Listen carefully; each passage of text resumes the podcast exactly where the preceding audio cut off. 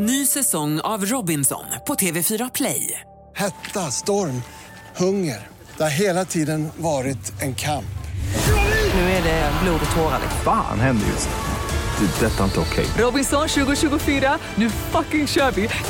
Streama söndag på TV4 Play.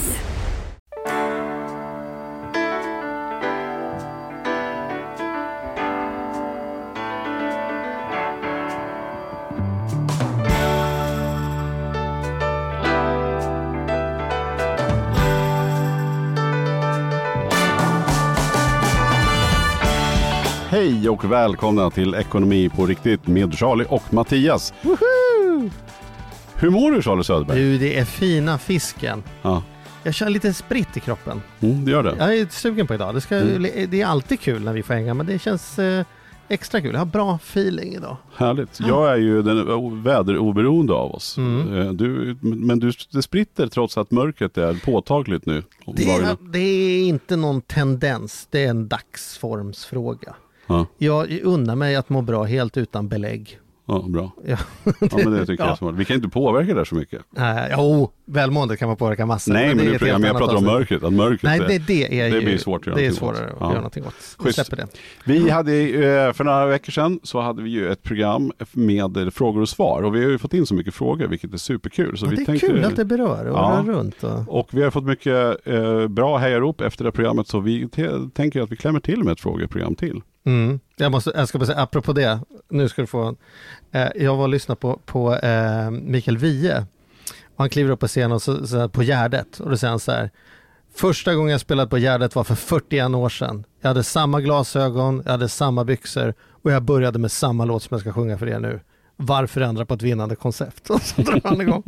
Så vi kör samma program Ja, en gång kör- till. Ja, men det gör Varför? Fast med nya frågor såklart.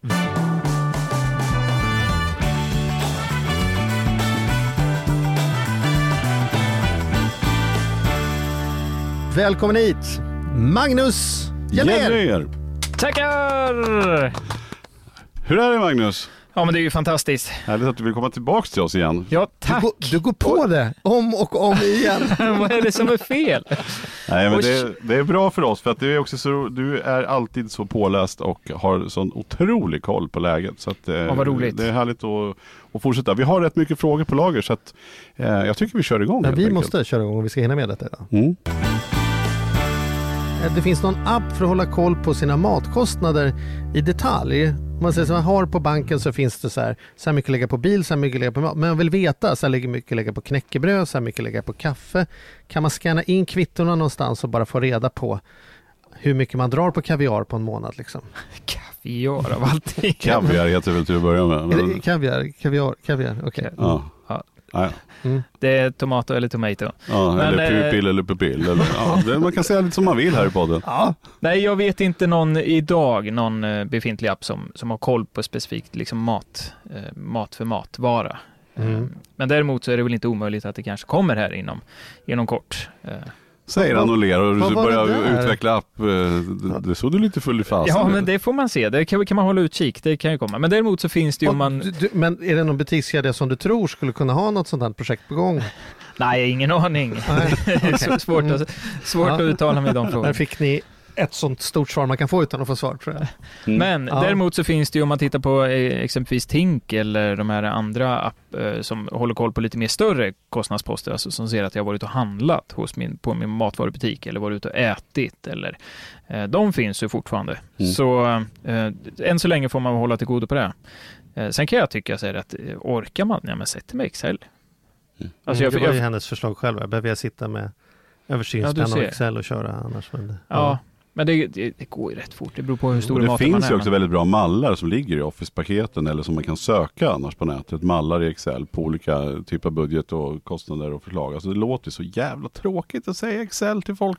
Men det finns ju faktiskt Excel väldigt är ju enkelt. Ja, jättekul. du gillar Excel, men det beror på att din pappa är, kalkylator. Så Jag det, är älskar därför du har ju, Excel. det har ju gått Ja. rakt ner i leden att du, ja, ja.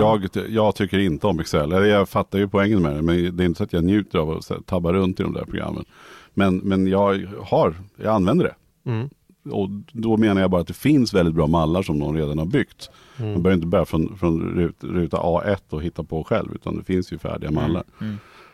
Eller hur? Det gör det. Mm. Jag blir Absolut. nyfiken på att veta varför man känner ett behov av att veta hur mycket lägger jag på olika typer av matvaror. Men det kanske är någon, det finns någon bakomliggande tanke här att man vill Jo, men jag tänker bara så här, någon- ha- handla i säsong är ju viktigt. Ja. Jag, jag tycker ju så här att börjar man titta på vad man de facto köper under ett år och hur det ser ut. Jag kan tänka mig att här, i våran familj äter vi nog mer grönt exempelvis på sommaren, lite Mm. fräschare sallader och man kanske blir lite mer kött, liksom grillar och Medan det kanske blir lite gryt, mustiga grytor på hösten och Gryt och innehåll till stek den. och, och sånt. Ja, Mm. syltlökar. och. Stroganoff kanske. Ja. Ja.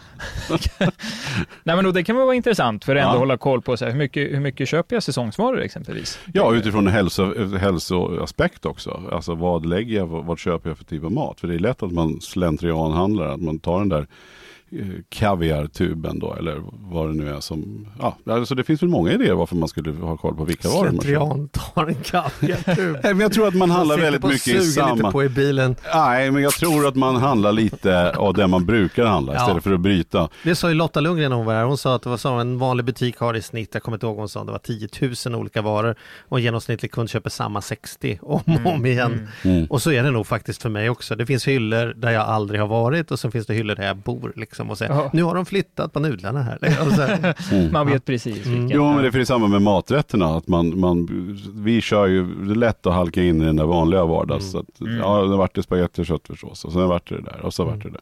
Så att det är väl, jag, jag, det, jag fattar att man vill ha kanske koll på det. Så det är väl jättebra. Det, vi, vi håller utkik. Det finns ju väldigt mycket bra appar att söka efter. Ja, men ni har ingen sån app än. Nej. Ica i alla fall. Nej. Får vi se hur det blir med det. Ja. Mm. Vi har ju också fått en fråga här angående ifrån Kajsa eh, Viborn som undrar om det här med, med sambos. Som tycker att vi ska försöka reda ut det här med sambos och, och vad som gäller egentligen. Och vem är över vem och hur funkar sambolagen. Och då vill jag bara tipsa om att vi har gjort ett program som var program nummer 17. Där vi hade en familjejurist, Jessica, som var hos oss. Som, eh, vi tog upp en del av det här, men det kanske finns all anledning att grotta ännu mer i det här. Men, men vad, vad säger ni? Vad har ni för reflektion? Vad säger du Magnus? Nej, men, eh, jag tycker de här frågorna alltid är ganska svåra. Dels kanske för att jag inte är jurist själv, eh, men sen också för att det är ganska komplext beroende på Eh, hur min, min, liksom, min specifika situation ser ut.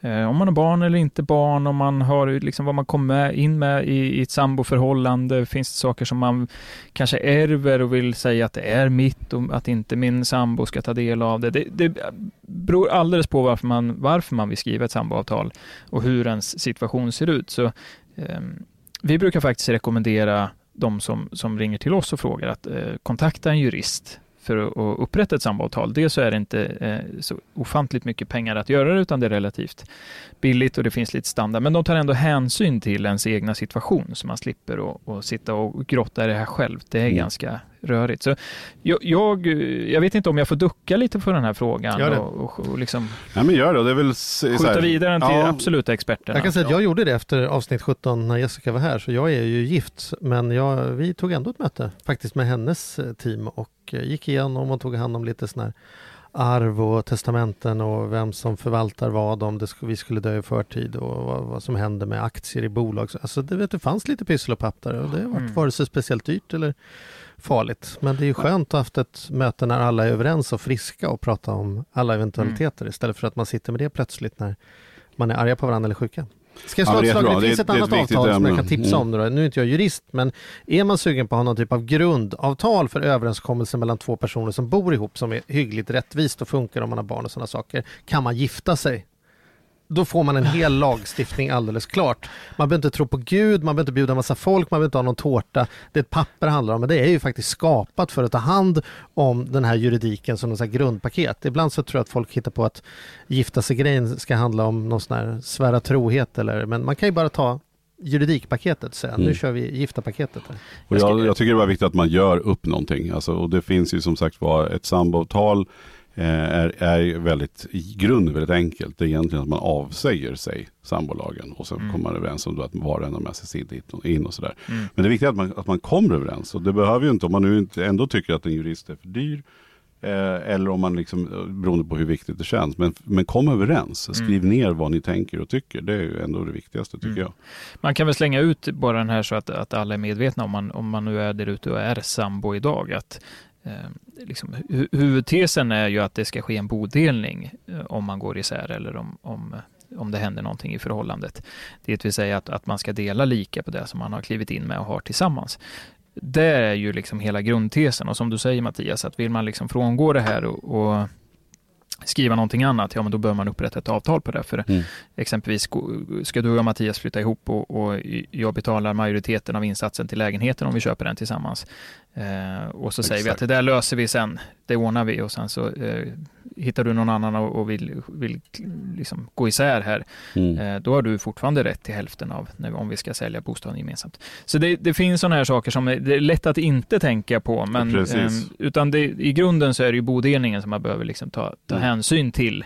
Och är det något annat som man vill, då ska man upprätta det här då. Vi går på nästa fråga. Vi har fått en fråga ifrån Karin eh, som kanske inte egentligen inte är en fråga men hon, hon är lite fundersam kring det här med skuldsaneringar och, och vad det innebär och att det kan bli fel och att det inte kanske alltid blir helt rättvist och sådär. Hennes, Ehm, hennes fråga handlar om att man är då, eller hennes åsikt är att man är dåligt skyddad som borgenär, det vill säga den som har lånat ut pengarna om man är privatperson. Precis. Det kan ju vara ofrivilligt att man helt plötsligt så är det en skuld till något ex eller någonting sånt och så står man där och helt plötsligt så är man i, ska man tydligen bli kronofogdehanterad på Mm. privatskulder. Mm. Har vi, några, har vi något klokt att säga om det, Magnus? Nej men så här, när det, när det kommer till de här eh, frågorna, eh, det är så, jag, jag förtydligar lite så att alla bara hänger med. Det, det handlar ju om att, att skulle jag låna ut pengar här till Mattias och sen så eh, blir Mattias beviljad skuldsanering då så eh, har jag ju svårt då att kräva tillbaka mina pengar med tanke på att hans skulder har skrivits av då. Eh, och det här kan ju vara ett problem då om jag lånat ut pengar privat. Eh, och eh, nu ska man säga tyvärr och tyvärr, men det är ju så att jag har ingen rätt då att eh, att kräva tillbaka mina pengar om jag lå- lånar ut dem privat och det, och det sker då en, en skuldsanering. Däremot så det jag har möjlighet att göra är att pröva ärendet, det vill säga pröva om Mattias verkligen eh, bör eh, ha rätt till skuldsanering. Då. Mm. Eh, men det här är en fråga som jag får driva själv och i egen regi, så det är inte eh, det är inte alla det passar, det kostar pengar och, och kan vara en, ganska stökig process. Då, så här.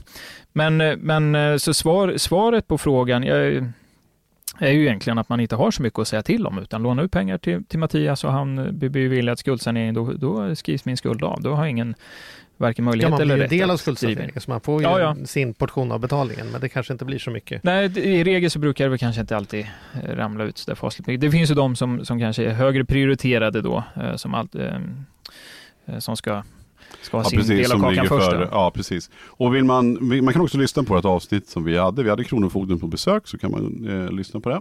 Eh, där vi pratar mer om det och man kan också ta kontakt med Kronofogden om man vill veta mer om hur det här funkar. kan man ju ta ett Mm. möte med Mm.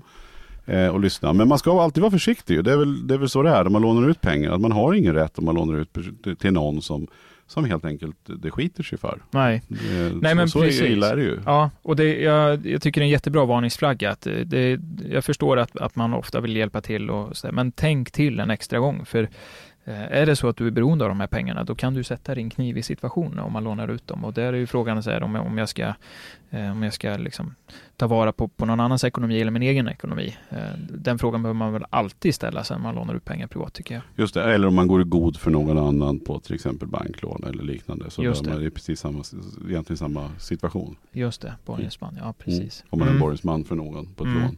Exakt. Bra, intressant ändå. Tack Karin för det. Ska vi ge Mattias en chans här? Vi ger Mattias Lundblad en chans. Ja, Mattias säger så här, tack så mycket för enkla men fantastiska tips i programmet att växla ner. Och sen så, så berättar han hur han verkligen har använt det och gjort en förändring. Från att ha sparat tusenlappar, en tusenlapp varje månad till han senaste månad har lagt undan 16 000. Alltså det är värt en applåd. Känns fantastiskt. Ja, det är helt grymt. Och Snacka så om att är växla han ner. stolt över att hans fru är mer involverad i ekonomin och sådär. Och mycket tack vare programmet att växla ner här. Nu är han intresserad av angående pensionssparande och vill höra vad åsikter om pensionsspara jämfört med att amortera på villan. Eh, hur kan man tänka bäst beroende på vilken ålder man är i? Mm. Vad säger vi om det? Det är nästan, Mattias har ju liksom andra ändan av den frågan vi hade om att kliva in på bomarknaden Ja, när man är 25. ja, precis. Vad säger du? Pensionsspara eller amortera extra? Ja, det här, jag får den här frågan ganska ofta och jag tycker att den är så svår att svara på varje gång. Eh, Men det är samtidigt ett så otroligt intressant ämne för det väcker så mycket känslor i folk Mm. eh, och så mycket åsikter. Ehm, nummer ett så tycker jag att pensionssparande är livsviktigt. Alltså, eh, ni vet att jag älskar pension och jag tycker att det är så sexigt. Alltså, det är få saker som, som är så, så intressant och roligt när man väl sätter sig in i det. Men det är eh, så här, man brukar ju någonstans i en prognos där man säger att någonstans mellan 50 och 60 procent av, av ens lön kommer man att få leva på eh, som pensionär. Och eh, där bör man ju tänka till på Eh, hur jag vill ha det som pensionär. Och är det så att jag redan har eh, pengar avsatta för att, för att liksom leva den standard som jag önskar, ja men då kan det vara jättesunt att amortera. Eh, definitivt. Märker jag att jag har, har, en lång väg att gå till att hamna på den nivån jag önskar, nej, men, eh, då är frågan framförallt i det här ränteläget om det så här, behöver jag amortera så fasligt mycket. Eh, personligen så försöker jag amortera eh, enligt den kalkylräntan som banken sätter när man, när man söker lånelufter mellan 6 och 7 procent. Vad betyder det? Amortera enligt kalkylräntan? Ja, när, när man söker ett låneluft hos banken när man är på väg och ska köpa en bostad och vill kolla om man kan få lån hos en bank så eh, tittar de på ens ekonomi och sen så eh, räknar de då med att om räntan för, för om boräntan skulle vara 6, mellan 6 och 7 procent brukar vara ganska standard. Hur skulle min ekonomi må om jag skulle betala, eh, betala den räntan plus då amortering, det som krävs. Mm. Och så ser man då att tål min eko ekonomi det här? Kommer jag få några pengar över i slutändan att faktiskt leva mitt liv? Jag måste köpa mat och saker. Får banken ihop kalkylen ja. helt enkelt? Mm. Exakt, och då mm. brukar man räkna på 6-7 procent. Och, och jag kan tycka så här att man behöver inte ligga på 6-7 procent kanske i det här ränteläget, men det är sunt att amortera mer så då säger du så här, jag har 2 i ränta idag, men mm. jag betalar ändå in till banken som om det vore 6 Så att då blir liksom extra amortering nu när räntan är lägre mm. och sen om den skulle gå upp till 6 då har jag liksom dragit ner den amorteringen och så betalar ränta. Men då har jag liksom vant kroppen vid de här 6% betalningen. Ja. Det är det vi Exakt, pratar om här. Liksom. det är det jag är ute efter. Ja, precis. För det, och det är lite så här, min ekonomi behöver ju tåla det här om vi hamnar där. Nu kanske vi aldrig kommer hamna där eller så, så gör vi det någon gång i, i framtiden. Eh, men det kan vara ganska sunt. Men det kräver ju också att, att jag har koll, tycker jag, på min pension så att jag, så att jag ser att det också ramlar in pengar och de pengarna jag önskar där. Eh, så i, i det här fallet skulle jag vilja säga att, att eh, har man koll på det, då kan man kanske trappa ner om man vill amortera eh, för, att, för att få mer pengar då till pensionen om man vill ligga på en viss nivå. Eh, får man in pengar till pensionen så kan jag väl tycka amortera, det är jättesunt. Många ser det ju som ett, ett sparande till sig själv, man minskar skulden och, och det blir mer och mer, eh, eller mindre och mindre ränta eh, framåt. Jag, jag är ju alltid råden att, jag, jag, vet inte om det är någon så här att jag är gammeldags av mig, men jag ger ju alltid rådet att, att amortera, liksom, mm. att, att verkligen göra det. För det är så många som väljer att, nej, behöver jag inte så gör jag det inte. Och då är det återigen det där att i faktiska pengar så, så, spelar det kanske ingen roll om man, om man lägger det på ena högen eller drar bort från andra högen. Men det är också det att väljer du att amortera mer så blir det ju av. Du har bestämt med banken, gjort en deal att så här mycket dras varje månad och det sker direkt när man får lönen. Så det är liksom att safea upp det lite. Om man nu inte har stenkoll. För annars skulle man kunna ge tipset helt enkelt att dela upp det på tre delar istället för två. Amortera, ja lite grann pensionsspara lite grann, men se också till att spara för dig själv på någon mm. annan form av investering eller någon mm. indexfond eller något liknande. Det är väl egentligen det rimligaste ja. rådet här. Nu, nu kanske jag läser mellan raderna, men eh, man kan ju fråga sig också om, om eh, nu ska vi se, Mattias, mm, Mattias. om han, eh, om han ser sitt boende som ett, liksom, någon form av pensionsförsäkring. För det tycker jag är livsfarligt att, att se det som med tanke på, vi, vi pratade tidigare, det är alltid sunt att ha en låg skuldsättning. Eh, och, och det, det, tvistas ju om man ska se liksom skuldsättningsgrad som ett bra liksom mått på hur, hur min privatekonomi mår eller om de facto så här, om, om räntekostnaden i förhållande till liksom min, min, mina övriga pengar är det som är det viktiga någonstans. Strunt samma, men jag kan tycka att en låg skuldsättningsgrad om vi, om vi nu säger jag inte att vi får, men om vi skulle få en väldigt ostabil bostadsmarknad eh, så är det ju, alltså låg skuldsättning är det som kommer se till att du någonstans sitter säkert i båten. Eh, och ja, det för får det man kommer man ju inte räkna. Om, precis, för det kommer ju, exakt, och det kommer ingen att titta på. Hur mycket har du pensionssparat då? Det blir ju ganska ointressant när du sitter och ska köpa något nytt eller med bostadsmarknaden mm, att göra. Mm. Även om det är också bra, så att jag skulle säga en fördelning där. Och, och jag menar om man nu kan växla ner på det sättet som Mattias har gjort här och, och har som koll på grejerna så tror jag att han lätt fixar att dela upp det här på, på tre former som vi sa. Mm. Se till att pensionsspara, men se också till att amortera och sen hitta en, ett annat form av sparande. Mm. Nu kommer jag på vad jag skulle säga. Får jag bara slänga in en snabb sak Kör. till Mattias? Här, jo, jag tycker så här, det, det absolut eh, enklaste och billigaste knepet är ju framförallt att se till att man har en tjänstepension. Mm. Eh, det, det får, ingen får jobba utan tjänstepension. För då har man en, en stor del säkrad eh, framåt i, i, livet. Så det är bara en sån här brasklapp att för bövelen, se till att du har tjänstepension. Då kanske du har mer pengar och, och får ihop kalkylen och kanske kan, kan amortera till och med mer, inte vet jag. Min brasklapp här var att börjar man bli till åren kommen så behöver man också förstå att när man slutar få inkomster så förändras uh, ens möjlighet att ta lån eftersom betalningsförmågan minskar så att amorterar man av lån så är det inte med självklarhet att man kan låna tillbaka de pengarna om det skulle behövas vid ett senare tillfälle. Mm. Så är man där och börjar närma sig pensionsåldern så kan man börja ställa sig frågan, är det bättre att ha 300 000 på ett sparkonto ifall någonting händer än att jag har amorterat av bort de pengarna och när någonting händer kan jag då inte låna upp dem igen. Nej. För det går inte att sätta i banken, men för tre år sedan hade jag ju 300 000 mer i lån och då gick det ju alldeles utmärkt. Det är väl bara för mig att låna Ja men precis, igen. titta banken, jag har ju amorterat 100 000 extra per år. Då måste jag det hjälper tyvärr inte. Nej det hjälper inte. Finns nej. det inte någon inkomst så får de inte ge något nytt lån. Liksom. Nej. Eller hur? Va? Nej, nej men precis. Nej, utan det är en bedömning här och nu och hur ens, ens livssituation ser ut. Och det är klart att det kan förändras om man, om man kanske slutar att jobba.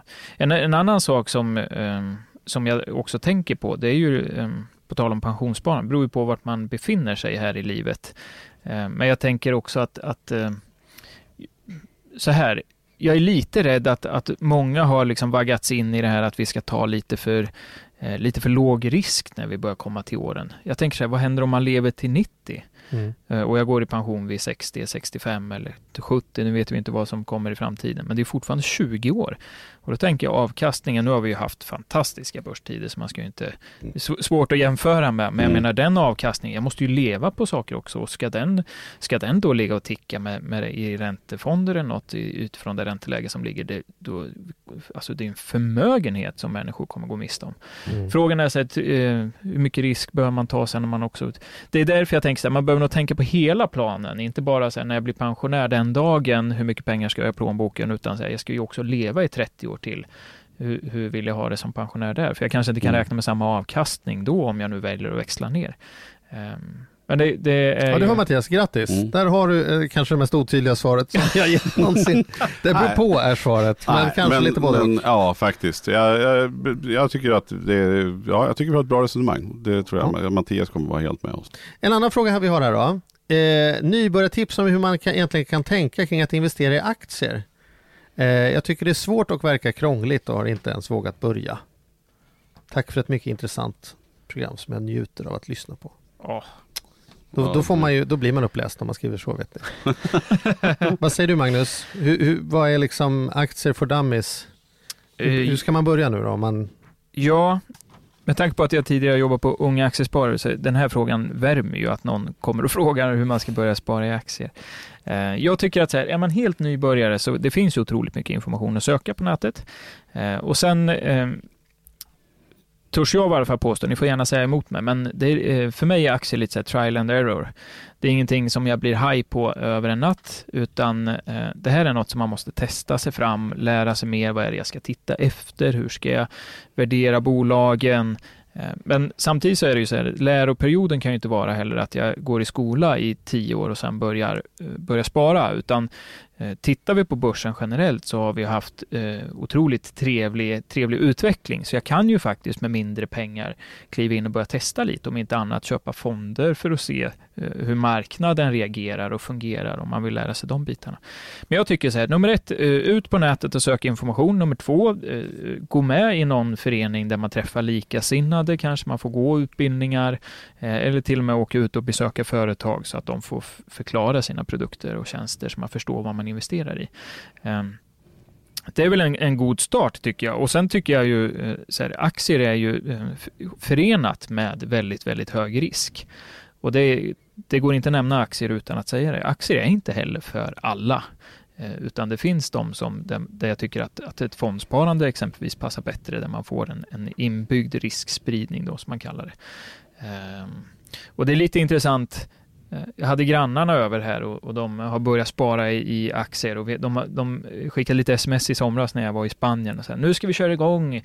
hjälp oss Magnus, nu är vi taggade mm. liksom och så fick mm. vi inte till det.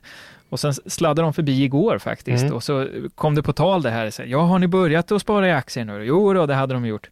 Eh, ja, men eh, vad, vad har ni, vad, vad har ni alltså, vart har ni börjat liksom? Man blir ju nyfiken. Så, nej, nej, vi, har inte, vi körde igång. Och det ska man ju veta att de hade ju, Zalando hade de investerat i här eh, ganska nyligen som eh, tog en tokdipp eh, direkt. Så eh, där satt de med, med lite långa näsor och hade ju då tappat en, en 10, 12, 14 procent. Mm. Eh, det hade vi repat sig lite nu. Men, men jag tror så här, det är viktigt att också våga testa.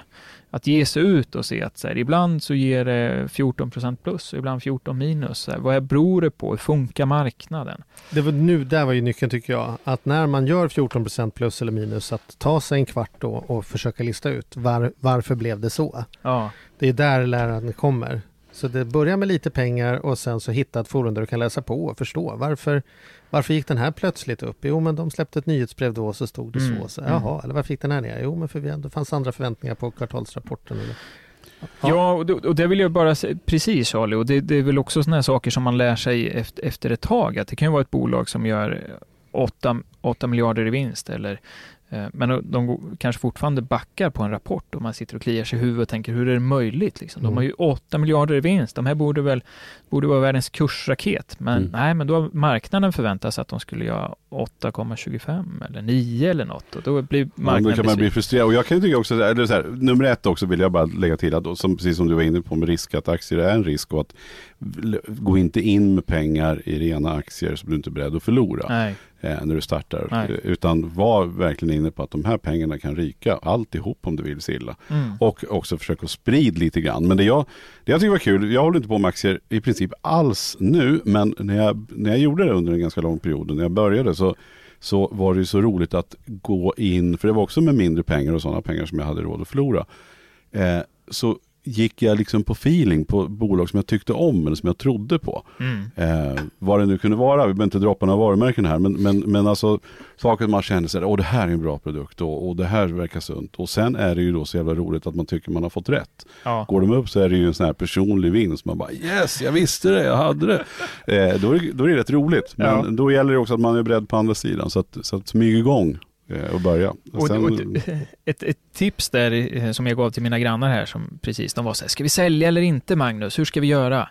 Och då finns det ju något inom behavior economics som då Richard Taylor som fick eh, Nobelpris i ekonomi har pratat om och det är förlustaversion. mm. Eh, att att eh, människan är, liksom skapt för att inte tycka om och att eh, förlora saker som man har i sin ägo. Därför så är det så svårt att sälja då den här aktien då som har gått ner. Man vill där- inte medieförlusten liksom, utan då är det bättre Nej att... men precis, då vill, tycker man då sitter man kvar för det vänder snart. Och där finns det ju många aktiesparar, stora profiler som säger så här, nej men eh, då sätter man en gräns. Går det ner mer än 10% då säljer jag av för jag vet att det finns andra alternativa placeringar där jag snart har tjänat igen de här pengarna. Så akta er för det här med förlustaversion. Man, man, eh, och det, det är ju också För, därför... för om man går back 50% då räcker det inte med att den går upp 50% man ska tillbaka. Nej. Den måste gå upp 100% för 100, att få tillbaka de 50. Det Och gäller det- för att förstå det där. Ja. Det är därför öppet köp är egentligen en, en liten PR-grej. Visste ni om det? Nej, finns det på aktier öppet köp? Det ska jag börja med. köp idag, lämna tillbaka Var om en tittar du dem någonstans? Ja, nej men, nej men när man köper någonting och så tar man hem det och så provar man det, då, det man spelar på är ju förlustaversionerna. Folk Ja. vill inte lämna tillbaka någonting som har hamnat i ens ägo. Nej. Eh, utan då är det så här, Skor- fast du kan alltid lämna nätet. tillbaka. Folk, skor som skickas hem till folk för att prova, de skickas väldigt sällan tillbaka. Tillbaka, ja. Fri frakt, det är det de lever på. Hörni, jag, slä, jag slänger med fem snabba tips här. Ja. Fem gyllene regler Oj, som man nu. kallar det här på aktiesparande. Mm. Eh, Man ska förstå vad man köper, det vi var inne på. Eh, Man ska veta vad bolag sysslar med och ha koll. Man ska hålla sig lite informerad. Man behöver inte kolla nyheterna varje dag på, på TV, men man måste ändå hålla sig lite, vad, vad händer med bolaget som är investerat i. Man ska spara långsiktigt, Eh, som, eh, som Mattias var inne på. Det här är pengar som man ska kunna förlora, men också så här, på lång sikt är det ju man har sett att börsen går upp. Därför så, så här, det, det nästan omöjligt att göra snabba kap, Mm. klipp. Det går inte. Lägg ner det, det går Mm. inte. Utan långsiktig placering. Spara regelbundet, varför då? Jo, för då köper vi både när det är billigt och kanske när det är lite dyrt och så hamnar vi på en bra mellannivå istället för att dynga allting när det var jättedyrt. Eller ja, ni förstår. Och sen sprida riskerna. Jag tycker att man ska ha en, en 13-15, helst mer bolag i portföljen så man får det här Går det här ena bolaget ner, ja men då kanske något annat som har gått upp lika mycket. Samtidigt med 15 bolag i portföljen är det 15 olika bolag att vara insatt i också. Ja, absolut. Det kräver Ja. lite mer. Oh ja, Mm. oh ja. Men man kanske inte ska vara rädd för att börja. Som så här, börja med småpengar då. testa. Det behövs ju Det är inte så man mer lär än sig. några hundralappar för att faktiskt börja. Och väldigt mycket forum på nätet. Man kan liksom dela erfarenheter och lära sig. Och poddar det finns att lyssna på. Så kör! Mm. Superkul! Bra. Mm. Toppen, och man kan också, jag vill också slå ett slag för programmet som vi hade i eh, slutet på, eller mitten, slutet på augusti, där vi hade andra Farhad Ja. med, som ju Mm. började med aktier Mm. väldigt tidigt. En otroligt intressant historia. Om du mot förmodan har missat det avsnittet så Jag tror du skulle prata om när vi hade, Kristina pratade om eh, finansiell psykologi och också, beteende. precis. När vi var på savannen och pratade aktier och grejer. Ja. Att, ja, det finns många, man kan rulla tillbaka till Ja, för det är, finns ju verkligen olika idéer om aktier och börsen Mm. och alla gör på sitt sätt och vissa Mm. saker. Och som du sa Magnus, bara ta fasta på att aktier eller rena aktieaffärer kanske inte är något för alla. Utan man får hitta sitt egen form av sparande eller investeringar som man tycker är kul. och Men det är som heller inte för bara till för 50-åriga gubbar i slips. som jobbar som Absolut VD, inte. Det, Verkligen man inte. kan vara, vara 24 och bo i förorten och vara som klippt och skuren för aktier. Så är det. Verkligen. Bra.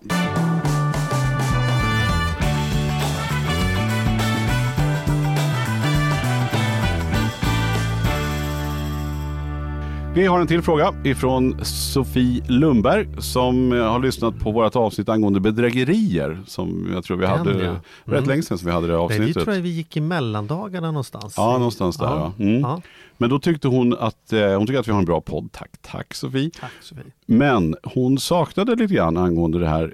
Eh, Alltså hon tycker att vad det gäller lösenord så tycker hon att vi skulle ha nämnt tvåfaktorsverifiering när vi pratade om bedrägerier och så här. Alltså, Och vi, Tvåtakts... tvåfaktorsverifiering. Ja, vad är det då? Nej men det är ju att du får ett dubbelskydd. Det har ju Apple börjat med till exempel på sina produkter om man nu vill ha en tvåfaktorsverifiering. Det vill säga att det räcker inte med om du ska logga in till exempel. Trodde du inte morse att du skulle säga det ordet tre Nej. gånger inom en minut? Nej, det trodde jag verkligen inte. Nej, men vi ska också säga att det här är inte våran, vi är inte så bra på bedrägerier, eh, som tur är. Tack och lov. Precis.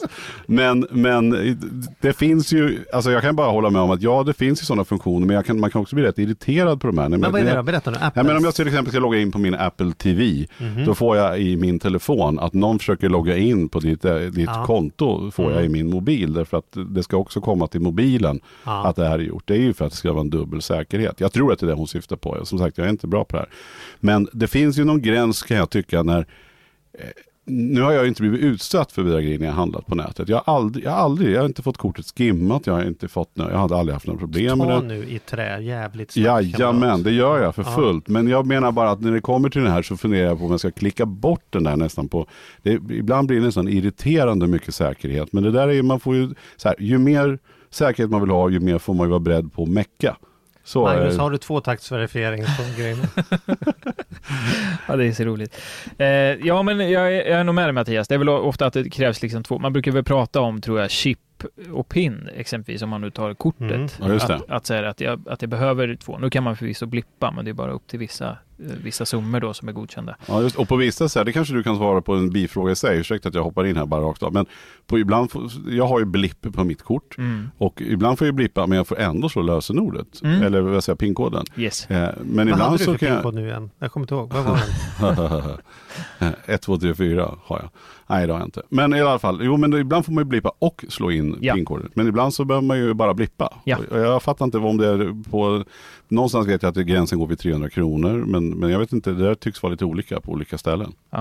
Det är så, om, precis, överstiger du summan som är satt på kortet, det kan vara 250 eller 300 eller vad, det nu, vad, vad som är bestämt, eh, så får du ju eh, komplettera med då PIN så att du inte kan köpa för mycket. Sen kommer det också, sen går det ut random eh, random. Att, så, har du blippat tio gånger, då kanske elfte gången får du slå koden också. Mm. Eh, Så det är lite säkerhetstänk där Ah. eh, kring de här bitarna.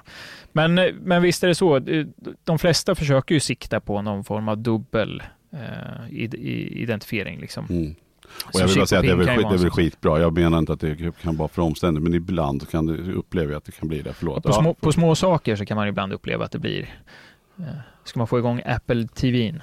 Mm. Ganska ofta är, är ju säkerhetsinstruktion, är säkerhetsmodellerna sådana att om säkerhetsnivån inte höll, om man blir lurad, så finns det ju alltså oftast pengar att hämta tillbaka från Mm. företaget i fråga därför att deras rutiner har på något sätt brustit. Just Jag det. säger inte alltid och som regel, men jag tror att en del missar detta att när när man fått saker som har blivit liksom taget från kontot eller liksom betalat på kortet eller eh, så finns det goda möjligheter att säga men det här är inte jag och ni, ni kan inte ta det här till mitt konto för ni har inget ingen underskrift som jag har skrivit på och ni har ingen pinkod. som jag har Nej, gjort. Och då, då sitter nog ganska ofta de här kortföretagen med skägget i brevlådan. Ja, Men ett tips är att man går in till exempel på Skatteverket och ser till att, man inte, att någon inte kan ändra adress till exempel Mm. på en. Det är en sån här klassiker. Väldigt enkelt. Väldigt enkelt. Man bara loggar 90 in. sekunder och logga in och göra den där. Ja, Mm. man loggar in med mobilt bank-id och sen talar om för Skatteverket att ingen ska ha rätt att eh, ändra min adress eller folk,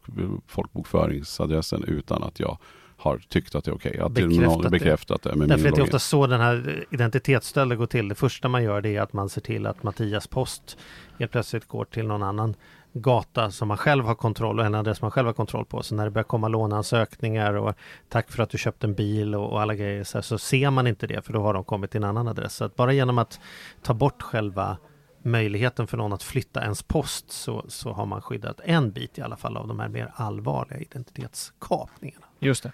Och där vill jag också slänga in, på, på, på tal om eh, liksom ID-stöld, att kika i hemförsäkringen. Det är många hemförsäkringar som också erbjuder ett skydd mot ID-stöld, där man bland annat kan få, få hjälp med att täcka kostnader för juridiska ombud och liknande. Eh, Mm. Så ti- titta i hemförsäkringen också om du har ett skydd för ett, ett ID-skydd så bör man kanske köpa till de här extra försäkringarna som erbjuds. För Mm. det, det vet jag inte om jag är så pigg på faktiskt. Nej. Nej. En annan säkerhetsfråga vi fått är, går det att tvätta bort lån och annat eh, efteråt om de har gjorts i mitt namn men det var inte jag som gjorde dem? Alltså om, om man är på andra sidan och det här är utrett men man har liksom betalningsanmärkningar för något som man faktiskt inte har gjort och eh, det Ja. är polisanmält och klart. Det är Ja. väl svaret ja på helt Det är enkelt. svaret ja. Ja. Mm. Ja. Men, men jag vet att det kan vara lite knöligt och ta ganska lång tid och så det kan ju påverka människors ekonomi under en längre tid Ja, medan det man kan reder det ut det här. Jättejobbigt Ja. och börja försöka förklara att det inte är jag är Nej. ju ingen lätt Nej, det, det, tar, precis. det är många man har många timmars jobb därför är det bra att lägga de där två minuterna Ja. nu så slipper man lägga de där timmarna sen. Och se till också med dina kort att du vet att det finns regionspärr. Så när man åker utomlands så kan du spärra för Europa och du kan spärra för, för Asien och kan spärra, spärra för USA specifikt. Och, sådär. och det är också jätteviktigt att göra när man har varit utomlands. Så kan det ofta vara så att när korten har blivit skimmade, när någon har snott eh, handlingar, så, så kan de dröja en månad eller sex månader innan de, de försöker för att det inte ska gå att spåra. Mm. Så att när du har lämnat landet så är det bra att man spärrar för det landet då, eller vart man nu har varit ute och rest. Och det kan man enkelt prata med sin bank om. Det är superenkelt att ge sin mobil eh, bank-app eller vad, vad man nu har för Ofta, funktioner. exakt, ofta kan man ju ställa det i appen. Ja. Det är jätte, jättesmidigt. Och det är ju Mm. också så här, för många testar ju. Har man kommit över några några uppgifter, kortuppgifter eller så, så testar man ju att göra sm- små transaktioner innan man gör större transaktioner. Det kan vara på, på 50 öre för att se att transaktionen går igenom, så de ser att de har rätt och att kortet funkar. Sen kan det dröja en stund och du lägger inte märke till den här lilla transaktionen som, som har gjorts och sen eh, efter en stund, ja men då eh, görs det ordentligt mycket köp utomlands ifrån. Mm. Men har man stängt då den här så får de inte ens igenom det här testköpet om det är Precis. Thailand eller vart man nu befinner sig. Ingen, ingen aning. Så jättesmart funktion att, att begränsa. Mm, och väldigt, väldigt enkel. Och- Snacka med banken om du inte Ja, hittar bra. det i bankappen. Och samma Ja. sak, står du utomlands, det gjorde jag här för inte så länge sedan och så skulle jag betala med kortet och det funkar inte. Och jag tänkte, men vad är det här för problem? Jag jobbar ju på bank, tänkte jag. Det måste ju funka. Sa du inte bara det? Jag ska ju inte börja betala här, Nej. jag jobbar ju på bank. Ja, ja, ja, det här borde vara. Ja. Nej, inga sådana gratisaktiviteter. Men då hade jag ju slagit på den här funktionen. Mm. Så där stod jag och det tog mig en stund innan jag kom på att vad- men vad är det som händer? Mm. Jag får inte igenom köpet. Mm. Så tänk på det om ni står ute också och kortet inte funkar, så ni inte ringer och beställer ett nytt, för ni Mm. tror att det är något fel på det. Utan, Precis. Kolla på på, det. på vissa banker så får du också när det första köpet du gör utomlands så får du ett meddelande att du har du använt ditt kort, har vi registrerat utomlands, stämmer det här? Eh, och då kan man komma ihåg att då är det den spärren som du kan Mm, sätta på just eller av. mm. Nåväl, Sen har vad har vi du för frågor Mattias? Ja, men vi har en Josefin eh, som hörde av sig här i våras, Mm. eh, vintras. Som berättade att hon, gått, hon, var så, hon är så himla stolt för att hon har fått bra koll på sin ekonomi. Och eh, har lyckats betala av och hon, ja, men hon har verkligen kämpat på. Så all, all, jag vill bara ge henne lite cred, jag behöver inte läsa upp allt. Men, men hon är väldigt glad över hur hon har gjort och att hon har nu haft som mål i livet att bli skuldfri. Eh, vilket hon har lyckats med. Mm. Men hon skriver också sen här med då eh, pension igen. Jag räknar iskallt med att jag måste jobba tills jag är 75. Må kroppen och knoppen hålla. Men hur ser pensionsprognoserna ut för oss 80 och 90-talister? Att pensionsspara är dumt, att låsa pengarna helt. Tänker jag fortsätta lägga, ska jag fortsätta lägga undan dem eh, några tusenlappar i månaden eller är det rätt? Hur ska jag göra? Och där har vi ju egentligen varit inne på flera gånger det här med medpensioner, hur man ska tänka och, och göra. Och våra tips, vad då säger du Magnus? Nej men återigen, tänk hur du vill leva som pensionär. Eh, riktmärke just nu, det här kan ju förändras, men det, det är mellan 50 och 60 procent av, av din lön kommer du att få då att leva Så är på. man 90-talist, då är det så man kan räkna. Ja, ja 80-90-talister sista jag tittade, eh, det var från min pension, eh, den här prognosen, så lå- låg det väl strax över 50, 50, 55 procent. Medan då är man eh, född lite tidigare då så ser prognosen lite bättre ut, närmare 60 procent. då. Men återigen, detta är prognoser. Mm. Det är som väder. Som jag ska ge prognos nu om det kommer snöa på julafton eller inte. Det känns ju lite som att titta i fiskben och, och liksom så här. För vi vet ju inte hur ekonomin utvecklar sig. Nej, Från nu till pension, vilka beslut, om vi har pension på det sättet vi har idag, hur systemet kommer förändras. exakt. Det är ju det kluriga här, att det är som att spela liksom Monopol, men man byter regler varje varv. Liksom. Och då är det ju bra att sätta undan lite cash, tänker jag. Ja, Ja. Men, men här pratar du om tusenlappar som 90-talist. Är, det- är, det, är det hur mycket, om man inte har kommit igång, hur mycket ska man liksom ens börja tänka att det är? Pratar vi om hundralappar eller tusenlappar eller vad, nej, men är man? Det här är ju en 25-åring liksom. ja men precis. 28. 28. Eh, nej men jag kan tycka, börjar man närma sig 28, det- jag tycker mycket beroende på när jag börjar jobba, det är ju då den stora pengar till försen ofta kommer, där jag kanske har råd att sätta av mer till pension. Mm. Men så fort jag börjar jobba så ska pensionstänket igång. Eh, jag kan förstå att om man exempelvis studerar, har, har svårt att sätta av pengar och det är helt okej tycker jag. Man kanske ska passa på att leva för dem där och då. Men så fort man kliver upp och börjar jobba, då är det in och, och, och, och placera i pension. Även privat. Det finns liksom ingen, inga undantag där. Och på samma sätt så är det ju Lyssnar man på dem som kan pension utan och innan Pensionsmyndigheten eller Min pension och så, där, så, så säger de att några av de viktigaste faktorerna det är att komma tidigt ut i arbetslivet också. Börja tjäna pengar så man börjar sätta av. För den viktigaste faktorn vi har, det är tiden. Mm. Tiden, ju längre tid du har på dig, desto mer pengar kommer det bli i slutändan. Och det är ganska stora skillnader ju tidigare jag börjar jobba. Mm. Så kommer man igång sent så får man också räkna med att det finns mindre och då kanske man får skjuta till mer i det privata sparandet istället för den allmänna eller tjänstepensionen som sätts av då. Så det tycker jag också man ska tänka på. Så här, när, när kommer jag igång? När kommer jag ut i arbetslivet? Mm. Eh, Det är en jätteviktig fråga. Och när du säger min pension, då är det en, en sida som heter minpension.se där man kan logga in med sitt mobila bank-id Mm. och få en prognos helt enkelt. Där samlas alla uppgifter in på den pension som finns sparad av ett antal bolag beroende på vad man har för bolag eller Mm. den allmänna pensionen ligger där också. Så det är ett bra tips. Ja, det är, det är en super...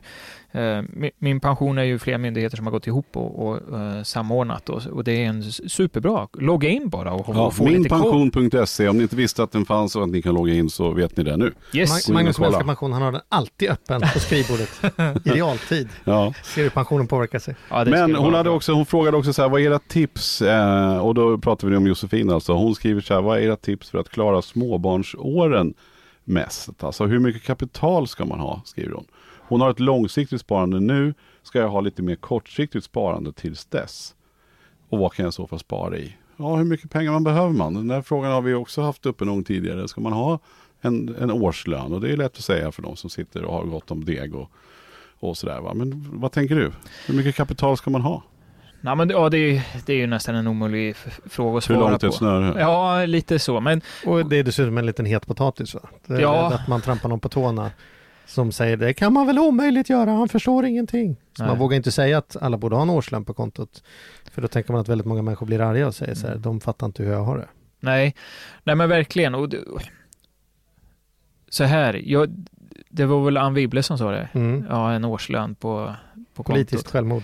Ja, men de facto sen när man tittar tillbaka, det är ju inte, tänk om alla hade en årslön, vad, vilken ekonomisk trygghet det skulle finnas ute i samhället. Sen förstår jag att, att eh, långt ifrån många kan ta sig dit överhuvudtaget. Och man brukar ju normalt sett prata om, om två, tre månadslöner kanske beroende på vilken boendesituation jag har. Har jag en bo, eh, bor jag i en hyresrätt så kanske jag inte, då är inte risken att kylen och frysen går sönder som jag får betala själv, utan om man nu pratar i buffert, Men du vet, sätter man av bara, vad blir det då?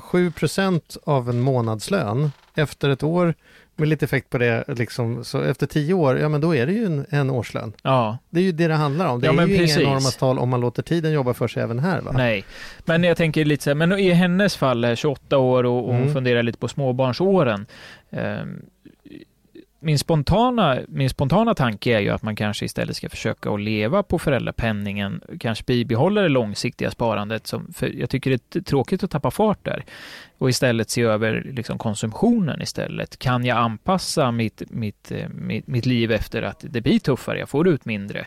Eh, istället för att, att liksom bygga upp en buffert och försöka leva på samma, samma nivå som jag, samma konsumtionsnivå som jag har idag. Utan, du tycker man ska klara småbarnsåren utan att börja äta av kapitalet? Ja, i den bästa av alla världar. Sen mm. förstår jag att här, det är väl bra om man, om man skulle ha möjlighet att ha ett extra tillskott. Det, det underlättar ju kanske vardagen hemma. Eh, så är det ju.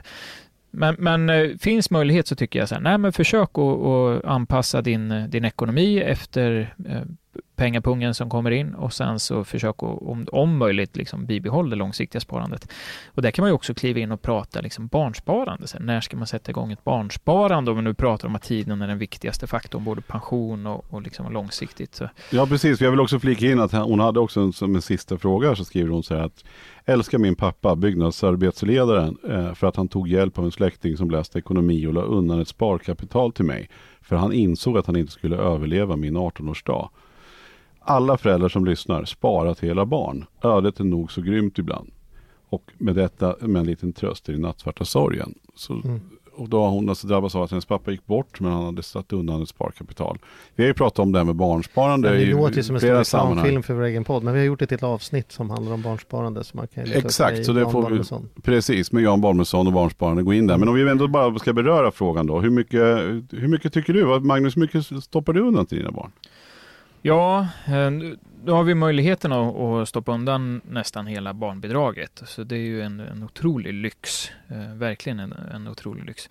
Eh, men det är också för att jag, jag har faktiskt använt just Jans eh, ränta på ränta kalkylator som jag tycker är väldigt bra. Man söker man bara på ränta på ränta så får man nog upp Jans, det, det första man får.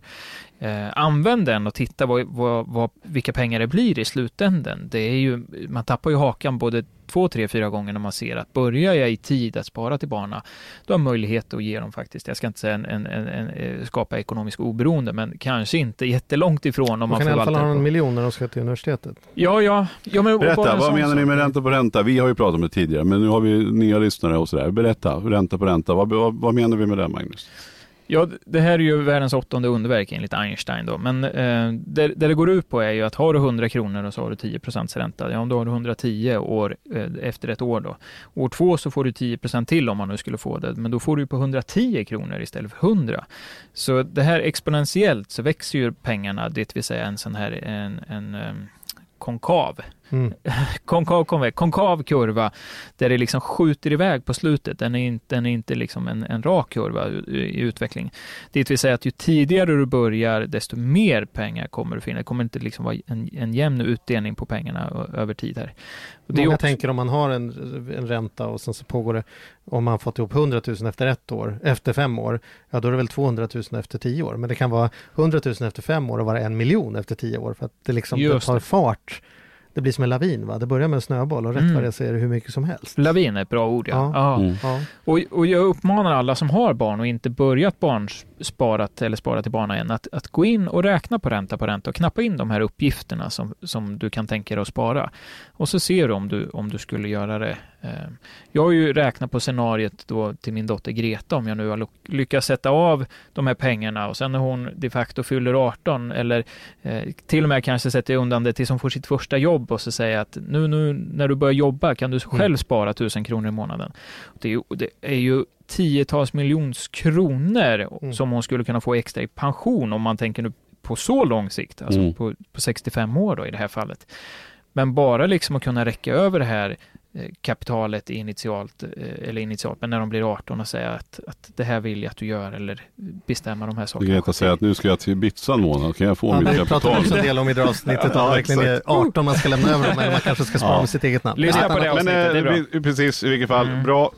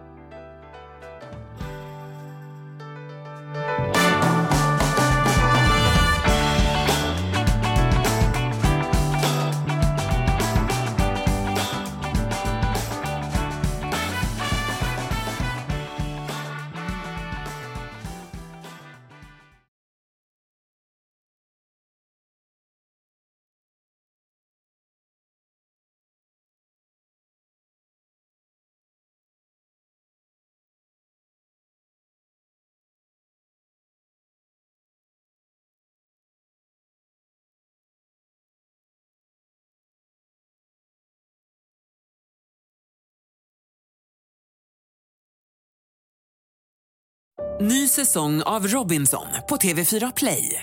Hetta, storm, hunger. Det har hela tiden varit en kamp. Nu är det blod och tårar. Fan händer just nu. Det. är Detta är inte okej. Robinson 2024, nu fucking kör vi! Streama söndag på TV4 Play.